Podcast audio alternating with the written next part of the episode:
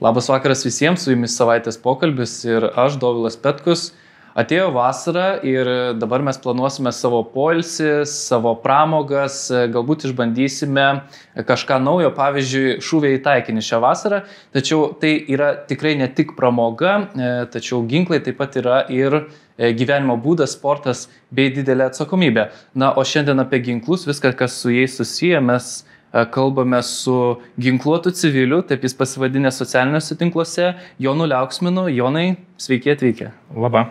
E, Jonai, galbūt ir pradėkim nuo to, e, kad turbūt informacijos apie ginklus, apie jų įsigijimą, jų laikymą, panaudojimą Lietuvoje nepakanka, kaip suprantu, nes jūs prieš keletą metų būtent pradėjot iniciatyvą ginkluoto civilio kaip plėsti tą informaciją, supažindinti žmonės plačiau. Aš suprantu, kad tai buvo priežastis. Tokį taip ir buvo. Iš esmės, e, aš kai jau pats sugalvojau, kad galbūt norėčiau turėti leidimą ginklų ir pasidomėti, kaip tas viskas vyksta procesas, kaip, kaip mes kaip įpratę e, einam į Google, ieškom ir nu, tiesiog neradau nieko.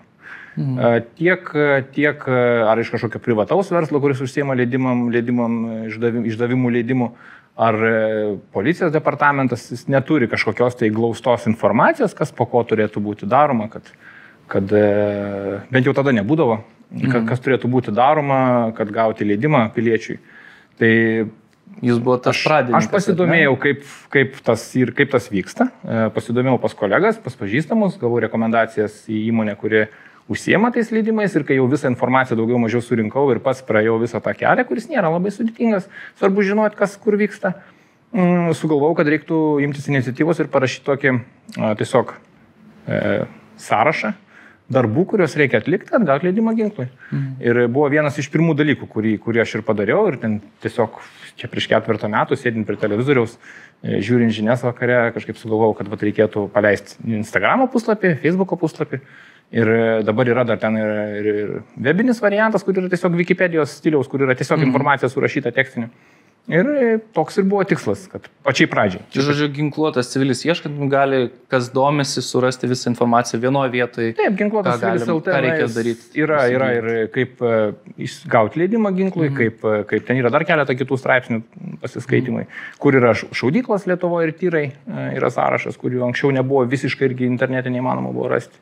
Paskui ten kažkada pradėjom rinkti parduotuvių, kurios prekiauja mhm. ginklais įvairiais, nes ypač kai keitėsi pernai įstatymai šiek tiek ir LGF panaikino, tai atsirado privataus verslo, kuris gali pardavinėti trumposius. Mhm. Ta monopolija, aš kaip suprantu, buvo. E, čia buvęs tas monopolis, taip, LGF tuos gerus 30 metų, kai, kai um, galėjo pardavinėti trumpuosius pistoletus ir revolverius tik valstybinė įmonė, valstybinis ginklų fondas. Mhm. Tai kai tą monopolį panaikino ir leido pardavinėti privatiem verslam, tai tiesiog reikėjo, irgi buvo poreikis sužinoti prekybos taškus, kur būtų galima konkurencingai pasilyginti kainas, pasižiūrėti, mhm. kas ką pardavinėja, kas ką atveža ir iki šiol šiek tiek stebėm tos dalykus kas, kas, kas kažkokį tai įvairovę galbūt atgabena ir panašiai. O Jonai, ta aistra jūsų ginklam, iš kur jinai kilo, atsirado jūsų gal šeimoje, tėvai, seneliai, ar, ar kaip buvo susiję mm. su ginklais, ar ten medžiojo, čia, nežinau, kaip, iš kur. Čia kaip, aš, čia kaip aš jokios Hollywoodo filmai su, su didelė, didelė bereta, kur šaudė, gaudė. Bet iš esmės, iš esmės ne. Gavosi, gavosi tiesiog.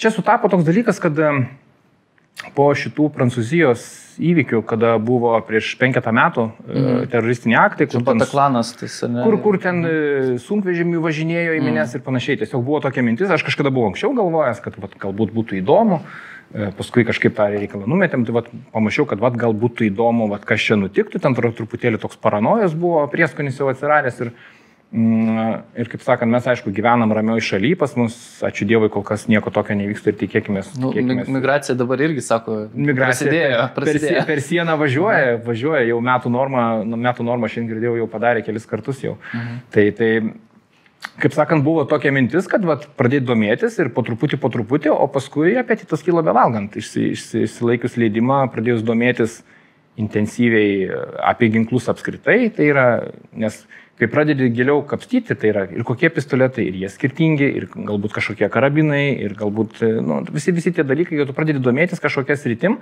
vis įdomiau, vis įdomiau, vis norisi mhm. pabandyti tą, norisi pabandyti tą, na ir paskui gavosi, kad yra Vilniuje organizuojamos treniruotės, e, tiek, tiek savyginai, vadinkim, pritaikomos, tiek sportui. Ir paskui vat, pasibandėm treniruotės, tada pamatai, kad reiktų gal ir įrangos kažkokios, tada pasirodo ir varžybos vyksta, ir pasirodo ir tarptautinės varžybos vyksta, ir taip rutuliuojasi, rutuliuojasi, ir, ir gavosi, kad aš tapau ir, ir, ir dalyvių aktyvių, ir tarptautinių dalyvių, ir teisėjauju dabar vienoje iš sporto, sporto šitų organizacijų, tarptautinių, tai kaip sakant. O, o Jonai, būtent užsiminėt jūs apie tos nuįvykius, kuriuos ir jūs gal, galbūt paskatino įsigyti ginklą, tačiau a, Junktinėse valstijose mes labai, na, dar dažniau turbūt žiniasklaidoje girdima ir apie tokius priešingus atvejus, na, kuomet, e, na, teigiama, kad tie ginkluoti žmonės sukelia didesnį pavojų ir e, Junktinėse valstijose mes matom didžiulės batalijas dėl to, kad e, vis dėlto reikėtų siaurintas teisės arba, arba mažinti galimybės įsigyti ginklą, panašiai ir mhm. Europoje, Europos Europos komisijos direktyvos čia prieš porą metų panašios buvo. Taip, kaip taip. jūs matot šitas tendencijas ir kaip jūs jas vertinat tą tokį, na vis tiek vykstantį politikoje, galima sakyti, civilių ginklų teisų ribojimą, na, bent jau einama. Nuginklavimą, kaip liaudį čia sako, nuginklavimą. Tai iš esmės aš ten tų visų tikslių skaičiukų pasakyti ne, ne, negaliu, nes iki galo visų neatsimenu, bet buvo čia kalbėta viešoje erdvėje ne kartą. E, tik tais niekuomet labai viešumas tengiasi nekelti, sakykim, žiniasklaida, mūsų populiarioji ar ten televizija tiesiog to nesako. Uh, apie statistiką, kiek yra nusikaltimų legaliais ginklais padaroma Junktinėse valstijose ir Lietuvoje vienam tūkstančiui gyventojų, tai mūsų rodiklis, ten sakykime, ar jų rodiklis nėra kažkoks ten labai skirtingas. Tai kadangi jų labai daug ir yra, ten 300 viršaus milijonų gyventojų ir ginklų yra kokius penkis kartus daugiau negu gyventojų, nei niekas negali suskaičiuoti iki galo, Ir e, pas mus, kad yra ten tie nepilni 3 milijonai gyventojų ir ten tų ginkluotų žmonių, kiek jau čia turim, tai ta statistika apskritai, ta prasme, jinai nėra kažkokia ten Amerikoje stebuklinga. Tai nutinka atveju, tai prasme, ir su Lietuvoje nutinka ir su šakė, ir su kirviu, ir su peiliu. Būtiniai konfliktai ar kažkokie tai kiti dalykai yra buvę, esam turėję ir šaudimų ten tokių skaudžių, kur kur kaimą iššaudė didžiokas čia prieš kiek, prieš 20 kelius metus, ant tai ir mhm. daugiau. Tai yra buvę visokių atvejų, bet, ta prasme, pati statistika palyginus mūsų ir Amerikos, tai nėra ten kažkokia labai labai skirtinga. Tiesiog vienam tūkstančiui gyventojų tenka procentas labai panašus. Aš ten tiksliai tų skaičių nepamenu. Kas dėl e, nuginklavimo to vadinamo, mm. kai ir ES, kaip sakant, e, siūlo direktyvas visokias prisitaikyti įstatymą, kad ten, bet čia turėjom pernai prieimimą dėl dėtuvių karabinų mm skaičiaus, skaičiaus talpos mažinimo ir padarė A kategorijos dėtuves, pavertė visos, kurios yra daugiau negu 10 šovinių. Mhm. Tai tie visi dalykai jie vyksta ir ten yra, ten yra spaudžiama ir kai kurios šalis nesispaudžia, tokios kaip Lenkija ir Čekija, beje, jeigu neklystu, vakar ar už vakar e, čekai įstatymų priėmė, konstitucijoje priėmė, kad tai yra teisė į ginklą. Konstitucija. Kiek, konstitucijoje priėmė, kad tai yra teisė į ginklą kiekvieno, kiekvieno e, piliečio. Mhm. Tai jie tiesiog, vadinkim, visiškai daro priešingai negu ES rekomenduoja, jie tiesiog matyt planuojasi, žiūrisi į savo piliečius, į ateitį kad, kad protingai, protingai naudojant ginklą jis yra naudingas dalykas. Tai mes, mes turim pakankamai gerą įstatyminę bazę, kas susijęs su ginklais Europoje.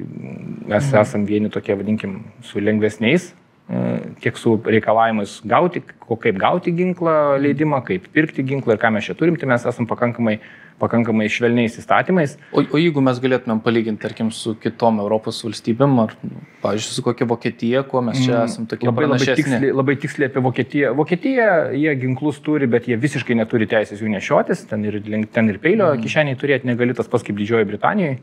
Uh, Sakykime, uh, jeigu lyginti su mūsų kaimynais Lenkais, e, mūsų kaimynai Lenkai jie gali nešiotis, jie turi nešiotis, nu, turi leidimą, turi galimybę pasidaryti leidimus nešiotis ginklui. Uh, Mhm. Ir jie gali turėti ginklą užtaisytą vis laik su savim, kas yra šiek tiek e, praktiškiau negu turėti neužtaisytą, kas yra pas mus. Mes ginklą galim turėti su savimi, bet, bet negalim, neužtaisytą. Neužtaisytą, ne? tai yra dėtuvė prijungta, bet ne, ne, negalim panaudoti nedelsant.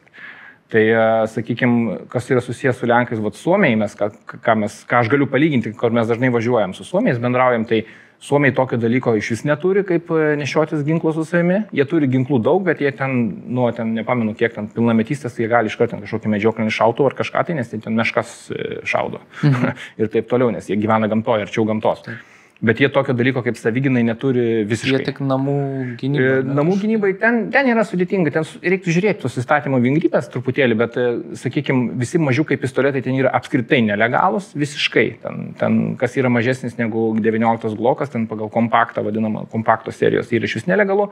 Kas yra didesni, tu gali turėti, jeigu esi sporto organizacijos narys, ten yra tam tikra tvarka, kiek tai ten metų išbūti organizacijų ir panašiai. Tai, sakykime, mūsų atveju Lietuvos e, užtrunka iki poros mėnesių ir jeigu tu esi neprikaištingos reputacijos ir pas tavę su sveikata viskas tvarkoja, iki poros mėnesių leidimas kainuoja ten apie 100 eurų su visais ten mokesčiais valstybės, ten su visokiais departamentų ir panašiai, dar ten dasideda 50. Pusantro šimto eurų, du mėnesiai veiklos ir tu turi leidimą ginklui. Tai mes esame pakankamai, pakankamai ar kol kas geroje situacijoje. Mhm. O, o lyginant, sakykime, kas lyginant su Amerika, tai Amerika čia iš vis yra, kaip sako, ginklų turėtojų meka, mhm. kur e, ten kiekvienas gimęs pilietis jau turi teisę į ginklą, jam sukako 18, jis gali tiesiog su pasu pirkti ginklą, kad jį nešiotis priklauso nuo valstijos, ten tam tikri yra nuo, nuo valstijos įstatymai skirtingi su šovinių skaičiumi ir panašiai. Tai jie ten labai pakankamai liberaliai žiūri į tą dalyką, tik tas irgi ten dabar didžiuliai pokyčiai, ten dabar keičiasi, dabar nori mm. irgi ir prispausti, ir sumažinti, ir panaikinti, nors ten dabar irgi vėl pasisuko į kitą pusę ir truputėlį ginklų savininkam e, at, at, atleido tą, kaip sakant, stresą ir jau lyg ir ten truputėlį gerėja situacija. Mhm. O Jonai, aš kaip e, irgi dabar buvo, berots ir praėjusiais metais, tačiau ir iki šiol tas klausimas yra ir pas mus e, Lietuvoje dėl ginklos savininkų ir nacionalinio saugumo. Tam buvo mhm. svarstymai, kaip ginklos savininkai galėtų pasitarnauti nacionalinio saugumo klausimų, ar jie turėtų apskritai kažkaip būti įtraukti, dalyvauti krašto apsaugos sistemoje, tas visas procesas vyksta.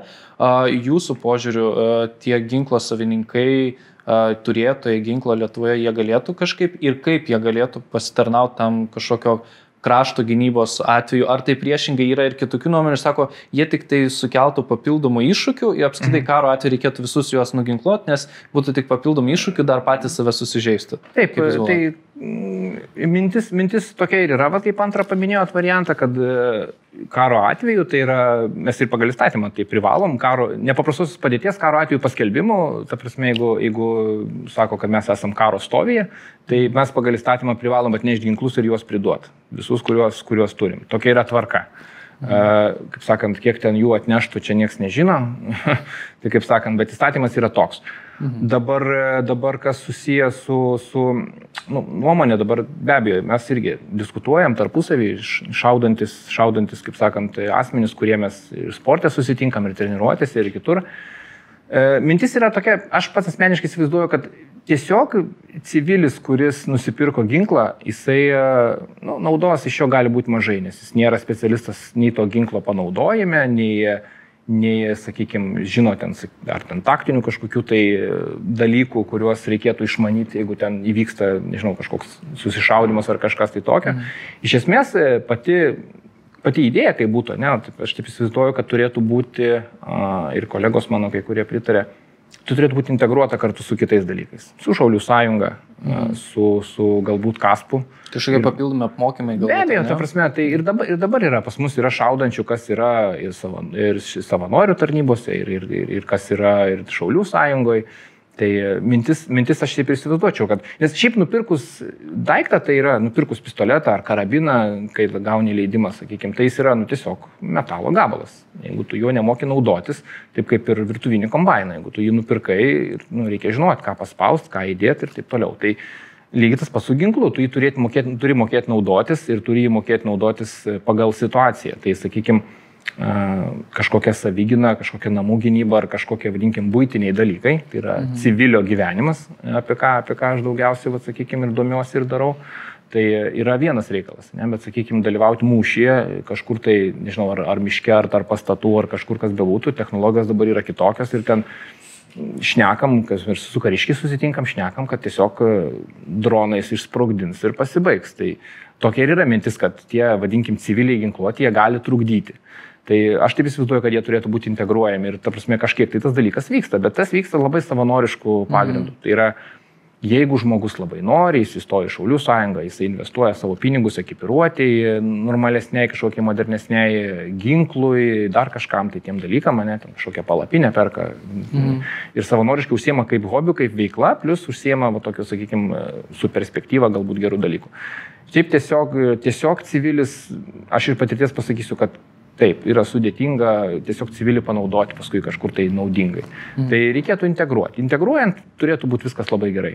O, o Jonai, būtent čia užsiminėt apie patį ginklo panaudojimą. Aš kaip įsivaizduoju, uh, mm, ginklą, okei, okay, galima turėti ir tai civiliniam gyvenimui, civiliniai gynybai, ir ne, kaip -hmm. jūs minėjot, tačiau jo panaudojimas, na, jos yra labai labai sudėtingas. Uh, aš įsivaizduoju, kad net -hmm. jeigu ir, tarkim, uh, vagis e, gro, grobė kažkokį turtą ar ne, ar mašiną ar taip toliau, aš irgi nelabai galiu turbūt net, e, tą net, žmogų net ne, nelabai, o visiškai, stabdyti visiškai ginklo, ar, ar, ar kaip, kaip, kaip yra su to ginklo. Iš vis turbūt yra tiek e, nu, suvaržymų šiuo atveju, kur apskritai mes turėtumėm aps, žinot, kur galima ir kokiais atvejais. Tai tuos dalykus visus labai aiškiai išaiškina kursuose. Kaip sakant, kada vyksta kursai, e, kursai pamokos leidimui ginklui, ten visus tos dalykus įstatyminė bazė viską išaiškina ir išaiškina paskui, rinkim, e, suprantama žmonėm kalba, ne? nes tai įstatymai yra sausa, labai skaityti, labai sudėtinga. Bet e, taip, linija yra labai plona tarp to, kur tu gali ir nebegali panaudoti ir čia yra būtinosios ginties įstatymas. Ta prasme, ir iš esmės, ar tu su pistoletu kažką, nežinau, nukausi, peršausi, ar tu stalo koja e, duosi galvon, iš esmės įstatymas sako tą patį. Nu, ta prasme, tu padarėjai kažkokią tai žalą ir aiškinsis visų pirma, kodėl tu ją padarėjai. Tai yra nu, legalus daiktas tiek stalo koja, tiek, tiek kirvis, kuris yra namų apyvokos daiktas, tiek pistoletas. Jis yra legaliai laikomas, bet panaudojimo būdas tai čia yra, kaip sakant, ar, ar galima buvo, ar nebuvo galima. Teismas aiškinsis. E, labai dažnai e, kursuose atsibaido, mano kursė aš irgi pamenu, buvo, buvo atvejais ir žmona, kada laikėsi kursą, ne truputėlį vėliau, tai irgi pas ją buvo kolega kursiokas, kuris e, tiesiog kitą pamoką jie neteina. Mhm. Kada per pirmą pamoką pradeda pasakoti, kada bus galima panaudoti ginklą, va, kaip jūs minėjot, kad ten vagis, jeigu vagia žoliapėvę, tai tu negali ginklų nieko daryti, nes tai yra įsvagę žaliapivė, kuri kainuoja ten 2-300 eurų, o, o žmogaus gyvybė yra neįkainoma. Tai čia labai paprasta matematika, jeigu taip žiūrėti iš paprastos pusės. O šitą, jeigu jau e, bandai atimti šio žaliapivę ir jisai, nežinau, išsitraukia peilį ir šoka, šoka tavęs prismeigti, va tada jau yra kita situacija. Mm. Tavo mhm. gyvybei grėsia pavojus realus, ne, ne kažkoks tai tariamas, ne kad ten pamojavo ir pabėgo, bet nori tave prispaudęs į kampą pripjauti, tai tokiu atveju, tokiu atveju visai kaip ir jau tas ginklas parankus darosi. Mhm. Tai, kaip sakant, yra, yra ta plona linija, kada, dėl sakau, vat, pradeda pasakoti dėstytojas per paskaitą, kad vat, kada galima, kada negalima, tada kyla klausimų pas studentus visą laiką, ar tai čia, na tai, tai o kaip čia dabar, tai čia man tas ginklas netaip ir reikalingas, nes ta situacija tokia labai, aš bijau, aš nes, nenuspręsiu laiku. Yra žmonių, kurie apsisprendžia tada leidimo tiesiog neįsiminėti ir, ir, ir ginklo neįsigyti. Tai, mhm. E, kaip sakant, čia yra... Yra, kurie persigalvoja, ar ne? Yra, kurie persigalvoja, taip, mhm. ir, ir faktiškai e, ne kiekvienam galbūt kursė, aš irgi niekas neveda statistikos, mums niekas nepasakoja iki galo, bet iš esmės mano ir žmonos kursė buvo kai minimum po vieną, kuris tiesiog paskui kitą pamoką neatėjo, nes nu, nusprendė, kad jam vis dėlto ginklas bus nereikalingas. Ten matyti ir kursų esmė yra pirmą pamoką išaiškinti iki galo, kad žmogus suprastų, kad jis negaištų savo laiko ir panašiai. Tai, e, mhm. tai ir ta linija yra plona ir Lietuvoje vyrauja nuomonė, kad, kad apsiginus ginklu turėsi problemų daugiau negu, negu, negu būtų naudos. Tai mhm. čia ta nuomonė kai kada atbaido žmonės ir kaip ir kad ir kaip gaila yra ir tarp tų šaudimo sporto entuziastų, ta nuomonė vyrauja, kad pat mes šaudom, mes turim ginklus, mes e, jais užsiemam sportu, profesionaliai tą darom, bet vat nesinešiojam, nes jeigu aš jį panaudočiau, tai tada būtų bėdos. Tai mhm sunku pasakyti, kodėl yra tokia nuomonė, iš esmės ar čia nepasitikėjimas e, savim, ar ten stresiniai situacijai, baime kažką pridaryti ne taip, bet... bet mm. Tai gal patys įstatymai čia kažkaip žmonėms sukelia tą nerimą? Nu, tai be abejo, įstatymai visą laiką atrodo pikti. Mhm. Ten tas įstatymas, kuris sako, kažko nedaryk, tu ten penkis kartus galvoji, ar tikrai nedaryt. Nes, mhm. nes, e, o, o jeigu aš suklysiu, jeigu tai čia tas pats lygiai gal ir gyvenime yra, jeigu žmogus jisai linkęs yra truputėlį pabijoti, tai jam tas įstatymas, kuris grėsia baudžiamąją atsakomybę, yra galbūt dar baisesnis. O Jonai, tai... jūs užsiminėt jau apie kursus ir, ir visą tą mhm. tvarką. Iš esmės, jeigu vat, mes galėtumėm žiūrovom tai pasakyti labai trumpai, a, e, trumpais tokiais punktais, e, jeigu asmo nori įsigyti ginklą, ką mhm. jis tai turi padaryti, atlikti, kokius kriterijus atitikti, kad mhm. jis galėtų tą ginklą įsigyti? Tai visų pirma, visų pirma pats pats pagrindinis dalykas, kas yra, tai turi būti nepriekaištinga reputacija. Tai čia yra įstatymė apibrieštas terminas, kuris skamba taip prasme, kas yra neprikaištinga reputacija, daug kas ne, nežino. Mes kartais labai labai grubiai kolegom aš irgi ir puslapį būna parašau, kad vat, tiesiog, kad susidėliu atminti.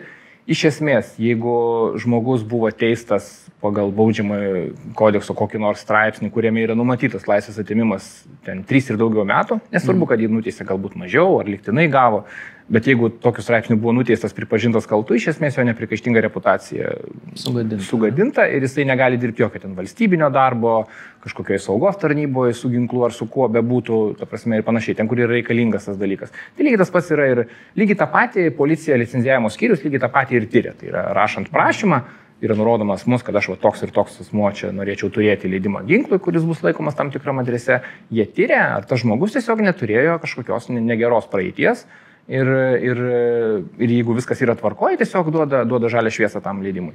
Tai iš esmės yra tas reikalinga, paskui, sakykime, jau ten labiau techniniai niuansai, kas yra reikalinga seifas namuose pagal ginklo dydį, reikalavimus ten tam tikrus, reikalinga, reikalingi kursai, kuriuos reikia praseiti ir išlaikyti egzaminą mhm. e, pagal tuos kursus. O egzaminas kaip yra išlaikomas? Kiek kartų pataikai į viduriuką?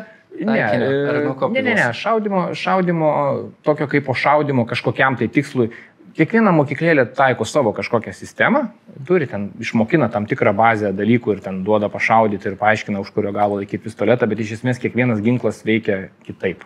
Ir mokinį, studentą ar kažkokį žmogų išmokinti per vieną pamoką ar ten dvi pamokas laikyti pistoletą, taikyti ir pataikyti labai gerai yra sudėtinga. Čia aš žinau, nes aš esu naujokus mokinės ne, ne vieną kartą ir, kaip sakant, Tai yra labai viskas, viskas aišku. Tai tiesiog to reikalavimo nėra.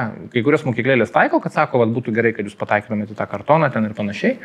E, iš esmės yra pats, pats egzaminas, tai yra, kada jau yra pravedama teorinė medžiaga apie patį, apie patį vadinkim, įstatymą, apie visus tos kitus dalykus, kada galima panaudoti, kada negalima panaudoti ir panašiai.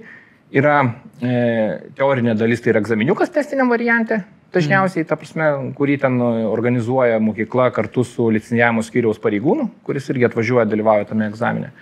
Ir, kaip sakant, čia yra ta teorinė dalis ir yra praktinė dalis, kuri yra per šaudimo pratybas parodoma e, studentam, tai yra pistoleto ardymas. E, pistoleto ardymas dažniausiai ardo seną, seną mūsų tą mėgstamą Makarovą, kurį, kurį, kurį kai kurie labai nemėgsta, kai kurie mes juokime, sakom, labai geras ginklas. Tai tiesiog negaila jo niekur nei, nei, nei pamesti, nei išmesti, aišku, pamesti negalima, bet, bet juokaujam taip. Tai va, tai iš esmės, uh, bet tas ardymo procesas tai yra iš esmės ne kaip išardyti ginklą, nes kiekvienas ginklas ardosi savaip. Tai yra technologiniai niuansai, kai, ką, ką daro Glokas, ką daro Walteris ar, ar kažkoks kitas gamintojas. Tai esmė yra nerimo, žiūri, kaip žmogus elgesi su ginklu. Ar jisai moka pasimti saugiai, ar jisai moka nenukreipti vamzdžio į save, į kolegas ir panašiai. Tiesiog žiūri tavo veiksmus, ar tu supratai per praktinės užduotis, e, kas tau buvo pasakojama, kad su ginklu reikia saugtis, elgtis, elgtis saugiai ir, kaip sakant, ne, neprisidaryti negerų dalykų. Tai ten yra iš esmės saugumo elementai. Tas pataikymas į taikinį, tai čia yra, kai išmoksi kursuose papildomuose, tai ten ir pataikysi į taikinį. Iš esmės žiūri saugumą. Ar tu moki nukreipti ginklą ten, kur reikia šaudyti, ar tu, mm. ar tu ardant jį patikrinai, ar jis tikrai tuščias, ar jis ištaisytas ir panašiai. Tai čia yra tokie, vadinkim, techniniai niuansai iš, iš tos pusės vat, žiūri, ar saugu, ar mokia mhm. elgtis saugiai. Tai va tas egzaminiukas yra labai paprastas. Teorinė dalis ten iš, nebepamenu dabar, aš bijau primeluoti, ten 20 keli gal klausimai. Nu, toks tiesiog iš teorinės dalies įstatyminės ir paskui yra ten situacijos būna aprašytos, kad ten imituota, kad, va, ten, sakykime, atsibudai naktį, išgirdai krepžėsi, nusileidai į namo apačią ir ten pamatėjai kaukėtus banditus ir ką ten gali daryti, ko negali daryti ir panašiai. Ir plus ta praktinė dalis, kur ten tiesiog paprašo tavęs išardyti pistoletą ir žiūri, ar tu ardai saugiai. Mhm. Ten yra skirtos penkios minutės, kur ten, kur ten gali per 20 sekundžių išardyti, surinkti iš esmės, tai, žiūri, ar tu moki saugiai elgtis. Jeigu tave gali išleisti saugiai elgtis su tavo būsimu ginklu, kada tu nusipirksi po leidimo gavimo, tai tada tau yra ir išduodamas tas sertifikatas, kuris paskui yra policijai perduodamas ir policija žino, kad tu turi išlaikęs tam tikrą, vadinkim, kursą, kurio tau galima leisti turėti ginklą. Mhm. O, o kaip, kaip Jonai, jūs manot, pakanka to? E, Ar tai, tai jau yra iš, už, iš, pakankama bazė žmogui išmanyti va, apie ginklą, apie jo saugumą? Sakant, e, žiūrint iki kokio lygio mes norim, norim žinoti, kad būtų saugu. saugu. Ta prasme, saugumas, jeigu žmogus yra, vadinkim, pakankamai protingas, jis suvokia, kad vamzdis tai yra pavojinga vieta, kur mes nekišam nei, nei, nei į, į draugą sukam, nei pat, patys ranką kišam. Mhm. Tai be abejo, tai prasme, jeigu mokyklėlė elgesi atsakingai ir jinai e, tai praktiniai, praktiniai daliai, praktiniai pamokai skiria šiek tiek daugiau dėmesio, Tai yra nepriema 20 studentų, nežinau, ten ir 20 minučių ten duodavo, pasižiūrėkit, maždaug čia aš parodžiau, kaip išardau, bet jeigu tai yra skiriama, skiriama laiko pakankamai, yra parodoma, paaiškinama, kas ir kaip, už ką ir kodėl, tai viskas yra tvarko, aš manau, kad protingi žmonės susigaudo iš karto. Tie, kurie truputėlį sunkiau gaudosi, jie ne iš pirmo karto galbūt išlaiko egzaminą, tada jiem yra išaiškinama, kodėl jie padarė klaidą ir egzaminą galima perlaikyti. Tai nėra kažkoks mm. kritinis dalykas, tiesiog jeigu žmogus suprato savo klaidas. Tai tos bazės, E, aš asmeniškai, aš asmeniškai galvoju, kad e, po to žmogus, čia vėl dabar gaunasi mes tokia į savanorystę truputėlį žiūrim, kad žmogus turėtų norėti po tų kursų savanoriškai užsirašyti kažkokį, pas kažkokį instruktorių, bent jau tom minimaliom keliom pamokėlėm, kad paaiškintų tuos saugiaus, saugaus elgesio daugiau, ne tik apie vamzdį, bet apskritai apie ginklo naudojimą. Tai aš taip įsivaizduoju, kad tiesiog e, nėra galimybių visose tose mokyklose padaryti tokį didžiulį grandiozinį, vadinkime, apmokymą, kur, kur, mes, kur mes galėtumėm čia ir paaiškinti visiems mane, vat, kaip yra saugiai dedama į dėklą, kaip yra saugiai traukiama iš dėklo. Kažkiek bazę paaiškina, tai yra, kad vamzdis neturėtų liesti kūno, ne kažkur tai mes dedame į dėklą, bet žmogui reiktų duoti praktinius įmimų. Aš įsivaizduoju, kad kiekvienam reikėtų po to šiek tiek kurso praeiti. Bet mm. tas, kas turi galvą ant pečių ir nėra, nėra, nėra visiškai, kaip sakant, E, neatsakingas, tai manau, kad pakanka. Mhm. Nu, mano atveju pakako ir mano daugybės kitų kolegų atveju pakako.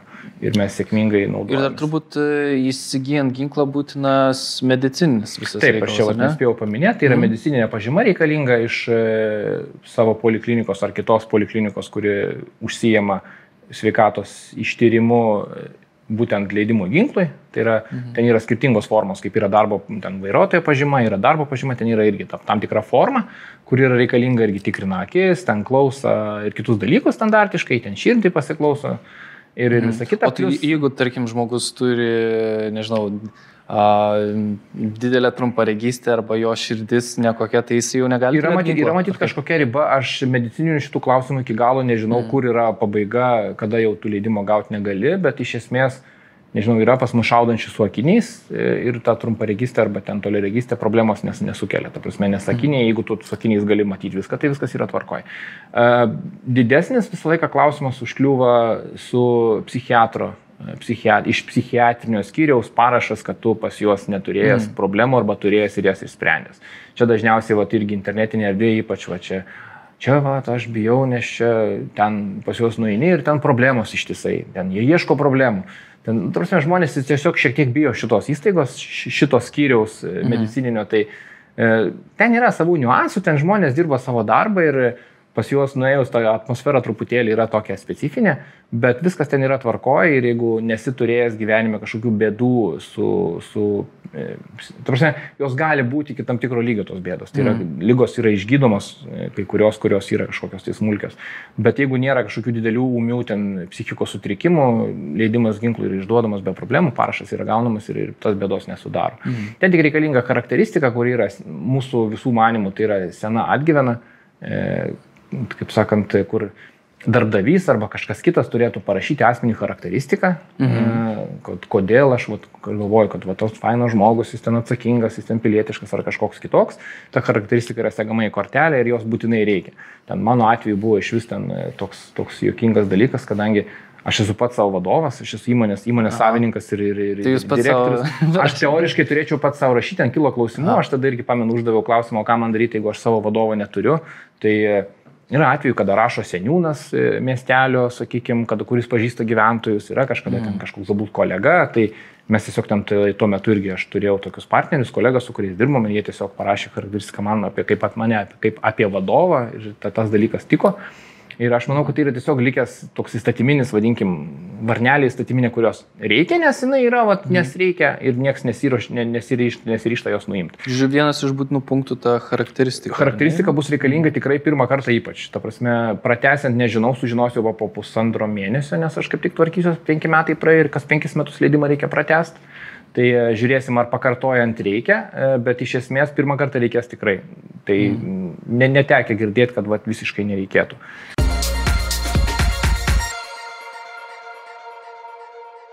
Nes. O Jonai, klausimas tada yra, ar tai yra brangu, nes jūs, na, vienas dalykas yra įsigyti, jūs taip pat ir sportuojate, čia mhm. E, yra, na, populiaru aptarinėti, kiek mes išleidžiam savo hobiam ar taip toliau, bet apskaitai, ar tai, ar tai vis dėlto yra brangus dalykas, e, toksai e, ginklo turėjimas, e, sportavimas su juo ir kokių galbūt niuansų arba, nu, nepatogumų ar kažkokių papildomų reikalavimų iš policijos, nes jūs vadinėt mhm. irgi prasitęsėt ginklą, tai aš įsivaizduoju, vyksta kažkokie patikrinimai iš policijos pusės. Taip, yra, yra. E, tie finansai ir tie nepatogumai, su kokiais galim susidurti ginklo savininkas. Tai mes juokaujam taip, kad e, jeigu prasidėjai su šaudimu ir ten pradedi sakyti, kad kažkas labai brangu, tai vadinasi, nu, neten pataikiai. Tai čia kaip ir kiekvienas hobis, ar tai bus motorinė lėktuvėlė, ar aitvarai, ar kažkas, jis turi, yra apatinė riba ir paskui begalybė. Tai yra, gali ten plėstis iki,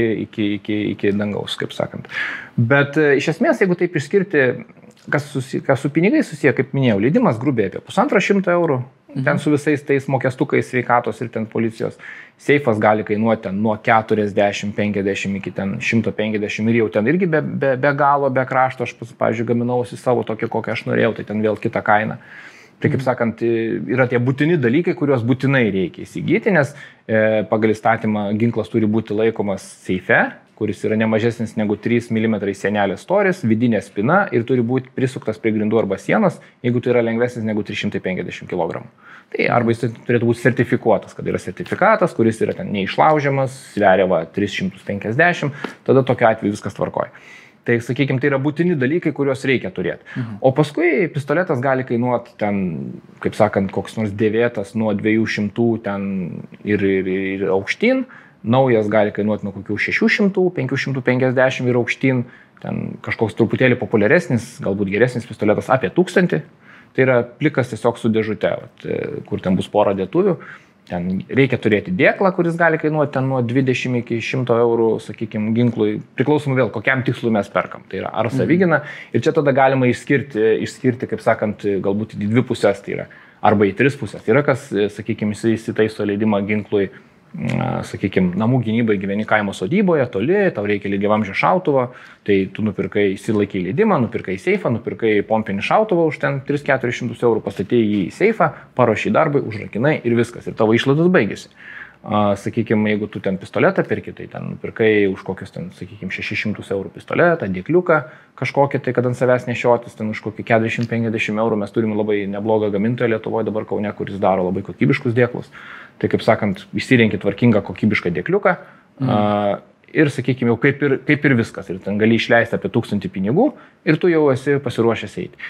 Ir tada prasideda visi jau tada kiti dalykai. Jeigu tai yra sportas, tai čia kaip ir sakiau, tūkstantis ir aukštyn gali kilti. Gali būti ten 500 ir, ir sakykime, priklausys, kiek treniruočių, kokia tu įranga. Čia tada prasideda rezultato siekimas. Mhm. Ar tu, ar tu kiek išaudys iš šovinių, ten per mėnesį, per savaitę ar per metus ten skaičiuojas ir taip toliau. Tai kada prasideda visi tie dalykai, tai čia sakau, sumos apačios nėra, bet e, yra labai daug šaudančių, ypač mūsų IDPA, IDPA sporte šaudančių šaulių, kurie, vadinkim, tokie labai civiliai, jie yra nusipirkę, įsilaikę leidimus, nusipirkę daugiau mažiau standartinį pistoletą, standartinį nešiojimus į dėklą ir lanko ten kartais savaitę treniruotės. Tai jie, jie palaiko šiek tiek formą, Tai yra, kad neprisimirštų viskas. Ir jie dalyvauja, ta prasme, tas, tas varžybų dalyvavimas yra, kad tu susitinki su kolegomis, su pažįstamais, ten kažkokiu simiai linksma veikla, įvyksta kažkokie pokalbiai, kažkokios, kažkokie niuansai varžybų metu, galbūt, kur ten galima vienas iš kito paskui, ten, kaip sakant, pasijuokti ir prisiminti įvykius ir panašiai. Tai va, tai, tai ir jie dalyvauja tame, sakykime, tai jeigu, jeigu skaičiuoti pinigais, sunku pasakyti, bet, sakykime, koks, gal ten 100 eurų į mėnesį galima papildomai iššaudyti. Ir e, palaikyti va tokią, tokią formą. Dabar truputėlį keitėsi situacija, nes labai trūkumas ES su šoviniais, apskritai Europoje su šoviniais. Europoje trūksta šovinių, ne? Ir labai stipriai. Šiuo metu, šiuo metu apskritai? dabar yra, mes turim, turim, turim tokį dabar visišką vakumą didžiulį, nes, nes mm. čia viskas iš Amerikos, ten, ten trūkumas didžiulis buvo jau prieš pusę metų ir dabar, kadangi, na, nu, čia yra... Čia žmonės daugiau šaudyt pasaulyje? Ne, čia yra, čia yra laisva rinka, tai jeigu mm. čekų gamintojai, kurie gyvena iš amunicijos, iš šovinių ir šaudmenų gamybos ir ir, kaip sakant, ir, ir ginklų gamybos, jie mato, kad e, amerikietis moka daugiau, 40 procentų šovinį, nu, tai kodėl jis turi pardavinėti vietoj, tai jisai viską grūda, grūda už, už jūrų marių.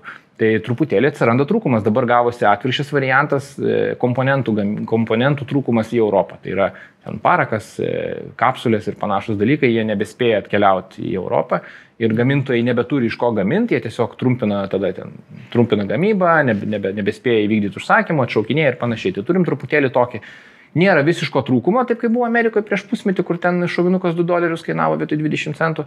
Neturim dar tokios mhm. situacijos ir tikimės neturėsim, bet, bet sezono pradžioje vat, ir karabinų šovinių, šovinių trūkumas buvo, mes vienu momentu varžybos, kai pradėjom, čia jau atsidarė šiek tiek jau pavasarį, tai turėjom trūkumą, nes mes mūsų lietuvišką šovinių gamyklą Giraitės, kuri gamina amuniciją Lietuvoje, irgi nespėjo gaminti į visas pusės ir jie tiesiog irgi truputėlį ten turėjom vakumą šiokį tokį. Dabar kaip ir stabilizavosi, bet, bet yra toks, toks truputėlį, nes turim, turim tokią va trūkumą. Tai, kaip sakant, priklauso, priklauso kokia ta kaina tuo metu ir Šiuo metu dar vis galima už tą ten šimtuką eurų palaikyti tempą, bet jeigu jau pradedi užsiminėti rimtų sportų, kur yra rimtas rezultatas, kur tu gaudai sekundžių dalis, kur tu ten tuninguoji ginklą, perki priedus ginklų ir panašius dalykus, tai čia gali kainuoti ir, ir 5 tūkstančius, ir, ir 6, ir 7, ir ten.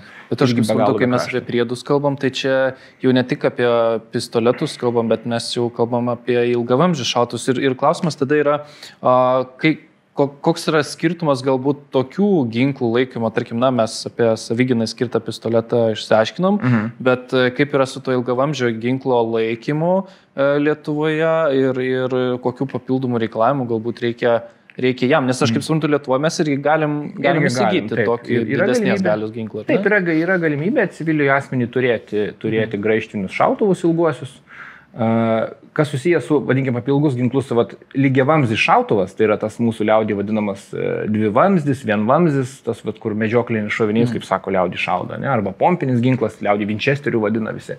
Tai šitas dalykas yra su paprastu leidimu. Iš, paprastas leidimas leidžia turėti lygiavamzdį šautuvą. Jeigu seifo dydis sutampa, jeigu ten priduodi seifą policijai, pasakai, kad aš turiu seifą, kuris yra ten pusantro metro aukščio ar ten metro dvidešimt, tai jie žino, kad tau galima leidimai įrašyti lygiavamzdį šautuvą, kadangi jis ten tilps. Tai čia dar toks niuansas, tik tai nepaklausiu, o dėl pačio leidimo. Leidimas yra įsigyti, turėti ir nešioti vienas, ar tai yra atskiri leidimai. Ne, tai yra vienas leidimas, į kurį pastoji papildo, jeigu kažkas atsiranda papildomai. Tiesiog jį perspausdina naujai. Tai... Bet to pompinio šauto kaip savigynos aš ne, negaliu irgi ne, nešioti. Tai gaunasi jau tokių. Tuo atveju jisai namų gynybai skaitosi, nes jį nešiotis, jeigu jis ten metro ilgio ar ten 80 cm, nuo kur jau ten jį tokį paslėpsi, ten ploščius turi būti labai ilgas. Tai, tai, tai ne, bet iš esmės tai va, su standartiniu leidimu, vadinkime to standartiniu paprastu leidimu saviginai, e, galima turėti pompinį šautuvą, lygiavamzdį šautuvą, kuris irgi beje sportui gali būti pritaikomas. Jeigu tu turi saviginai, tai tu gali ir sportą su juo šaudyti, problemos tos nesudaro. Įgabent gali bagažinę ir panašiai. Jeigu, jeigu kalbėti jau apie graištinius šautuvus, apie rimtesnius ginklus, tokios truputėlį didesnės kovinės galios ir visa kita, tai uh, iš esmės Lietuvoje yra, yra keli būdai. E, gauti leidimą, tai yra į tą patį leidimą yra įrašoma eilutė graištiniai šautuvai ir taip toliau, tai yra arba tu turi būti kario savanorio tarnyboje, tai yra Šaulių sąjungoje įtrauktai, tai karys savanoris arba kario, tai jeigu tu esi kažkoks kariškis, karys, mhm. pagal profesiją, tam dirbi profesionaliai karo tarnyboje, ten įrašo leidimą, kad tu gali turėti kario tarnybai ginklą, ilgai graištinį šautuvą. Tu gali būti medžiotoju, Tai irgi, ta prasme, medžiotojų burelis, ten yra tam tikra medžiotojų tvarka, kaip jie tave tuo medžiotojų padaro, ten yra egzaminai ir visa kita. Ir tada gauni leidimą, kuriam yra nurodyta, kad tu gali turėti ilguosius greišinius. Arba gali būti sportininkas. Šiuo atveju kaip aš. Tai yra priklausai tam tikrai sporto organizacijai, kuri užsijama tą sporto šaką. Tai yra mhm turi, turi tą discipliną e, ir tada ta sporto organizacija rašo rekomendaciją licenzijavimo skyriui, kad va, tas asmuo, kuris yra mūsų ten organizacijos narys, ten moka mokesčius ir visą kitą, e, jisai, mes jam rekomenduojame duoti leidimą ilgajam greišiniam ginklui. Ir e, mhm. tada policija atsižvelgia į tai ir sako, viskas tvarkoja, mes matom, kad pas tavį aukštas ilgas seifas yra, kad ten visi, visi ten tie reikalavimai mediciniai ir visa kitas yra tas pats lygiai, nieko keisti nereikia, tiesiog pasipildo papildomai eilutė, 50 centų laminavimas ir jie tiesiog įrašo papildomai. Papildomai tą. Tada jau sudėtinga patekti tą klubą yra. Tai Ar visur yra. Tai, ne, tai visur yra, visur yra, pas mus įstatymų nėra apibriešta, kaip, pažiūrėjau, Suomijoje, kad ten turi berots du metus būti klubo nariu, ten be ginklo, be nieko, dalyvauti ten varžybose, nes gali iš klubo nuomoti ginklą varžybų metu mhm. ir panašiai. Ir jie ten po kažkiek tai laiko irgi gauna rekomendaciją ir tada jau tampa tie, kurie jau patys gali turėti tą ginklą pas save. E, pas mus to dalyko nėra, reguliuoja iš esmės kiekviena organizacija atskirai, praktinio šaudimo, e, praktinio šaudimo E, praktinis šaudimas reguliuoja, reguliuoja, nereguliuoja, tiesiog jie rekomendacijas išduoda, jeigu tu tame sporte dalyvauji tam tikrą skaičių varžybų per metus, kad tai nebūtų fiktyvus mm. dalykas, kad aš nusipirkau seifę dulyje, tai kad jis būtų naudojamas. Ir tada išrašo rekomendaciją, kad skaitosi tas asmo, vat, dalyvauja, jisai vis palaiko veiklą, užsiema ten kažkokio tai vat, dalykais ir tada, kaip sakant, jam duoda rekomendaciją. Lygiai tas pats yra dabar reikalinga dėl dėtuvių padidintos talpos. Kur iki šiol, sakykime, aš ten irgi leidimus turėjau, kurie, kurie elementariai tiesiog, vat, kaip sportininkas įrašyta, kad sportas, ten visi lankai, tie ten didelio, didelio kovinio galingumo ir panašiai. Ir karabinas 10 dėtuvė arba daugiau būdavo ne problema. Tai tiesiog tuos perki atskirai nuo ginklo, bėdos nebūdavo. Dabar jau reikia, jis yra A kategorijos, tai yra kaip karinis ginklas, kaip karinis daiktas, kaip mhm. granata lygiai tas pats, kokia mhm. nors, kurios civiliam turėti negalima, tai kad ją galėtum turėti, turi būti papildoma rekomendacija, kad va, tas asmuo dalyvauja šitoje veikloje ir jam reikalingos yra tos dėtuvės. Tai lygiai tas pats kariškiam išrašo, lygiai tas pats šaulių sąjungoje. Tai e, jiem, kaip sakant, yra tam tikri lengvatos. Tai va, yra keli būdai, kaip tą padaryti. Tai Yra kas pas mus medžiotojai turi tuos dalykus ir paskui jau reguliavimo nėra jau. Tu, prasme, tu gali pirkti tą ginklą, kokį, ten, kokį tik nori, E, jį pritaikyti savo reikmėm, ten, jeigu ten esi medžiotojas ir nori plus sportą dalyvauti, nu, tai savo tą perki papildomai dar vieną ginklą ir su juo dalyvauji. O Taip. kaip yra su pačiom varžybom e, ir, ir su va, tuo sportu, kaip jisai atrodo, kaip galbūt atrodo tos e, varžybos, š, ta prasme, yra kas ten svarbu, pataikyti taikinį, reakcijos greitis. Iš esmės, kas tai yra svarbiausia sporte va šitam? jeigu taip, e, vadinkim, taškų skaičiavimo sistema, jeigu taip dėlioti, iš ko apskritai, kaip, kaip yra varžybos matuojamas, tai yra laikas. Tai yra nuo pratimo pradžios iki pabaigos e, atliktas pratimas yra suskaičiuojamas laikas, per kiek tu laiko atlikai tą pratimą ir ten yra tam tikri dalykai, ką tu turėjai įvykdyti, kiek kartų pataikyti ir kokios yra skylės reikalingos kiekvienam taikiniui. Na nu, taip jeigu grubiai. E, nes e, vėl ten yra tų niuansų, čia, sakykime, pasakyti taip nu, per trumpą laiką labai nepapasakosi, reikia visą laiką kažkokias treniruotės, eiti ar kažkokios e, open doorai būna, kur organizacijos tos organizuoja supažindinimą su kiekvienu sportu ir ten paaiškina, papasakoja, parodo. Ir paskui yra be abejo visokie irgi ten kursai, kur aiškina daugiau, nes tų taisyklių yra daug, ten yra keliasdešimt puslapių aprašas taisyklių, kaip kas vyksta, kada koks skaitosi pataikymas, kada nesiskaito ir kaip turi vykti pačios varžybos. Iš esmės tai yra sustatyti, vadinkim, kartoniniai arba metaliniai taikiniai. Mm. Yra tam tikras pratimo aprašymas, ką mes turim padaryti, kiek pataikyti kažkokį kartoną, kažką nuversti, kažką pargriauti. Ir yra duodamas laikas, yra laikmačiai, timeriai, kurie skaičiuoja šūvį, šūvį kiekvieną girdi, girdi šūvį, mm. kuris e, gali fiksuotis šimtųjų sekundžių tikslumu. Ir ten nuo, nuo komandos startas, pipsiukas, iki tol, kol paskutinis šūvis įvyks. Čia ir Lietuvoje vyksta ir čia lygiai, taip, taip, taip, čia lygiai ta pati tvarka ir, ir nieko čia nėra stebuklingo. Mes, mes esam e, tiek praktinio šaudimo, tiek, tiek IDPA, e, tai yra tarptautinės organizacijos, kurios turi ir varžybas ir Lietuvoje, ir užsienį. Tai mes vat, buvom beje ir Lenkijoje netaip senai, prieš porą savaičių. Tai, dalyvavom ir, ir varžybos vyksta, dabar jau, dabar jau galima išvažiuoti, jau yra tie Europos žali pasai, kas mhm. yra susiskėpėjęs, jau gali keliauti ir, ir valstybės įsileidžia jau. Tai, kaip sakant, taisyklės yra visur tos pačios. Tai mhm. čia tarptautiniai reikalai.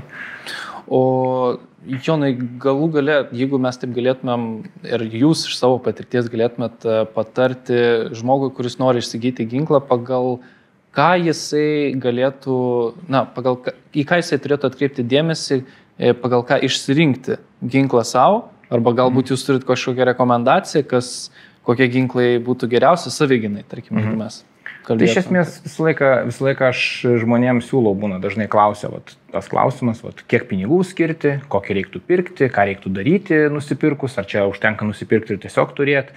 Ir e, visą laiką yra tie tokie kontroliniai klausimai, kas iš mano pusės, koks bus tikslas, ar tai bus e, nupirkti ir gulės seife tik tais ekstra atveju, ar tai bus e, nešiotis kasdien, ar tai bus nešiotis visa, visus sezonus, nes tai yra, sakykime, kai dabar yra karšta, tai yra vienoks apsirengimo stilius, kada yra žiema šalta, yra kitoks stilius ir galima skirtingus ginklus turėti ant savęs, nes mes ginklus turim privalom nešiotis paslėptus, tai yra concealment carry, tai mes turim juos nešiotis slapta, kad kiti nematytų piliečiai ir ne, jiem nesukeltų negerų tiesiog kažkokių minčių ir e, įtarimų. Tai, e, kaip sakant, tai priklausomai nuo, nuo, nuo tų visų sąlygų mes ir visą laiką patariam kolegom, ką reikėtų. Ką būtų galima. Tai iš esmės e, rekomendacijos nu, visą laiką labai paprastos. Jeigu, jeigu tikrai žmogus užsidegęs, užsidegęs kažką užsimti, jeigu sako, aš tikrai užsimsiu sportu, nu, tai mm. tada jam iš karto siūlai truputėlį brangesnį, geresnį ginklą, kad jisai turėtų gerą startą pradžią ir kad paskui nereikėtų platformos keisti, nes labai dažnai arba blogi patarėjai, arba tiesiog be patarėjų nusipirktas ginklas, uh, paskui gaunasi, kad supranti po pusės metų, kad vis dėlto tau reikėjo ne jo, o kito dalyko, tai, kaip sakant, uh, reiktų pirkti ginklą, kuris yra šiek tiek populiaresnis, kad jam būtų dalių, e, nes mhm. jie genda, tai yra kaip ir kiekvienas prietaisas, e, jisai genda, jisai galbūt paskui reikia kažkokio, kažkokio tuningo, kažkokių priedų, kažkokių pagerinimų, kurie ar vienaip ar kitaip padeda, e, ar ta prasme taktinė prasme, nežinau, ten, sakykime, taikikliai, ar ten kažkoks nuleistukas geresnis, kad ten, sakykime, ne, ne pat šauti ir pataikyti ir panašiai. Tai Bet reiktų stengtis žiūrėtis labiau standartinius, tai vat, Lietuvoje yra, ne tik Lietuvoje, šiaip labai populiarus yra Glokas, nes Glokus mhm. turi mūsų policija Lietuvos. E, jie kada aš kažkada iškeitė iš Makarovo ir iš senų Čezetų 75, tai sakykime, Glokai jie yra populiarūs, jie kiekvienam filme, jie kiekvienam, kiekviena parduotuvė jų turi, mes Europoje turim gamyklą, nes jie austrų, austrų pistoletas. Tai, kaip mhm. sakant, perka Glokus, jie nėra super geri kaip, kaip kaip, kaip pistoletai, nežinau, ten sportui iki tam tikro lygio yra geri, mhm. bet paskui, kada jau nori šokti aukštesnį lygį, tenka vis dėlto kažką tai keisti, arba tenka pistoletą keisti, arba ten kažkokius daryti šokius su bugneliais, kad, kad kažką tai iš jo išspausti. Tai, bet, bet standartiniam civiliam žmogui, palaikant formą, pasitreniruoti ir turėti ginklą ekstriniai situacijai, galima kiekvieną populiarų ginklą. Čezetas, Springfieldas, ar ten kažkas, kažkas iš tų, mhm. E, ar ten Glokas, Walteris. Walteris yra šiek tiek brangesnis, bet jis yra, kadangi vokiečiai tokie pas mus preciziški ir labai daro, daro kokybę, tai vat, Walteris, sakykime, aš, aš dažniausiai rekomenduoju Walterį. Walterį arba Gloką. Tai vienas yra brangesnis, kitas pigesnis, abiem yra tuningo, abiem yra dėklų, nėra problemos ir panašiai, nes dėklai yra bėda, kada žmonės nusiperka pistoletą ir nenusipirka tinkamo dėklo. Čia tas pats kaip, kaip automobilį turėti ir uždėti netinkamas padangas. Tai yra labai, mhm. labai tinkamas palyginimas ir dėl dėklų, dėl dėklų klaidos labai daug įvyksta, Lietuvoje mes neturim atveju, bet dėl dėklų klaidų daugiausiai įvyksta visokių ten e, nelaimingų atsitikimų šaudyklose, mhm. kurie baigėsi laimingai arba nelaimingai, ten kažkas gali būti šūvis į žemę, gali būti šūvis į koją, dėl nekokybiškų dėklų labai dažnai būna. Ten, tai dėklą išrinkti irgi reikia teisinga ir šitoje vietoje taupyti negalima. Tai, kaip sakant, reiktų imti populiaresnius ginklus. Tai Glokas Valteris vienas iš tų, kur būtų, sakykime, investicija vat, su dėklu apie 1000 eurų. 1000, mhm. 1100, vat, tai, būtų, tai būtų tokia investicija į daiktą, kuris, kuris vat, tarnaus, kuris tarnaus ir bus. Ir esant reikalui bus galima jį tada, kaip sakant, pritaikyti ten galbūt sportui ar dar kažkam. Mhm. Jonai, pabaigai galbūt būtų toks klausimas apie ginklo kultūrą apskritai. Aš dabar pažiūrėjau, mes e, iš esmės Berots Lietuvoje turim šiuo metu paskutiniais duomenim apie 13 ginklų šimtų asmenų. Mhm. Esam bet kuriuo atveju dar pakankamai mažai ginkluota netgi mhm. visuomenė, bet e, kasmet tas skaičius pas mus auga. Jūsų požiūriu, ką reikėtų daryti, kad e, ta ginklo kultūra jinai, jinai kiltų, didėtų ir mes uh, galėtumėm, na, iš tikrųjų būti tokiais atsakingais ginklų savininkais? Mm, čia didelį, didelį darbą jau, jau daro didelį darbą visos tos sporto organizacijos, kurios, e, kadangi yra pagrystos e, praktikomis iš, iš tokių šalių kaip Amerika, kurios ten yra iš ginklų, ginklų kaip sakant, turėtojų ten mm, labai labai daug ten pas juos yra ir pas juos yra ginklų kultūra labai senai. Tai e, tos yra praktikos pagrystos iš tenais ir, ir vis, visos, visos, visos tos organizacijos vis mokina naujus šaulius atėjusios, vadinkim, į teisingą pusę. E, didžiausia bėda yra, kada yra savamoksliai. Mhm. Kada yra savamoksliai, kurie, kurie prisižiūri YouTube populiariojo, prisižiūri arba būna prisižiūrėję filmų ir tada kaip sakant, mes matom viešuose šaudyklose, tyruose, kai atvažiuoja, atvažiuoja piliečiai, kurie, kurie patys viską moka, patys viską išmano. Čia kaip ir kiekvienoje srityje mes turim, turim tokių specialistų. Tai e, čia yra bėda, tai tiesiog reikėtų žmonėms truputėlį galbūt daugiau patiems suvokti, kad reiktų painvestuoti tai, kad tai yra... Mhm kad tik nusipirkti, įsilaikus leidimą, tik nusipirkti ginklą tai nėra viskas, tai reiktų truputėlį pasidomėti daugiau, kažkokį galbūt draugą žinantį arba ten instruktorių pasamdyti ir, ir, ir paprašyti, kad jis papasakotų kažką tai daugiau. Ir ta ginklų kultūra pas mus gerėja, bet nu, jinai nėra taip sparčiai. Aš manau, kad tai yra su laiku tiesiog. Jeigu pas mus visiškai tie dalykai neužsidarys, tai tas skaičius žmonių vis didėja, vis daugėja ir e, mes treniruotėse ir per varžybas vis e, rodom, pasakojam, propaguojam ir, ir užauga ir vaikai dabar šeimose, kurie, kurie mato ginklus ir, mm. ir jiem yra paaiškinama, kas čia tai, kas čia yra, kaip jis veikia, kodėl jis veikia, ką su juo galima daryti, ko negalima daryti ir, ir panašiai. Ir, ir e, auga, turi truputėlį galbūt pasikeisti, pasikeisti ir žmonės patys kartu turi pasikeisti. Mes esam dar truputėlį, vis tiek turim dar turim dar daug nepasikeitusių žmonių ir iš tos pačios Sovietų sąjungos laikų, kurie, kurie ginklų iš vis neturėjo, ten medžiotojai vienas kitas turėdavo ginklus ir,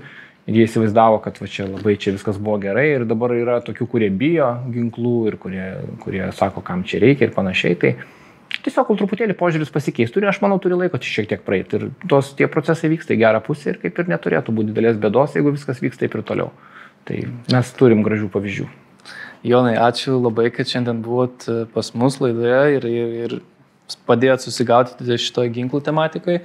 Ačiū visiems, kurie žiūrėjo mūsų laidą, ačiū tiems, kurie remia mūsų platformą Patreon. Uh, Patreon srityje. Na, o mes jau atsisveikinam šią vasarą, tai buvo paskutinė mūsų sezono laida. Uh, mes pasimatysime rugsėjai, tikrai neapleiskite kanalo, jame dar bus papildomų epizodų. Na, o Mes linkime jums gražios vasaros ir būkite atsakingi savo kasdieniam gyvenime ir iki sustikimo. Iki.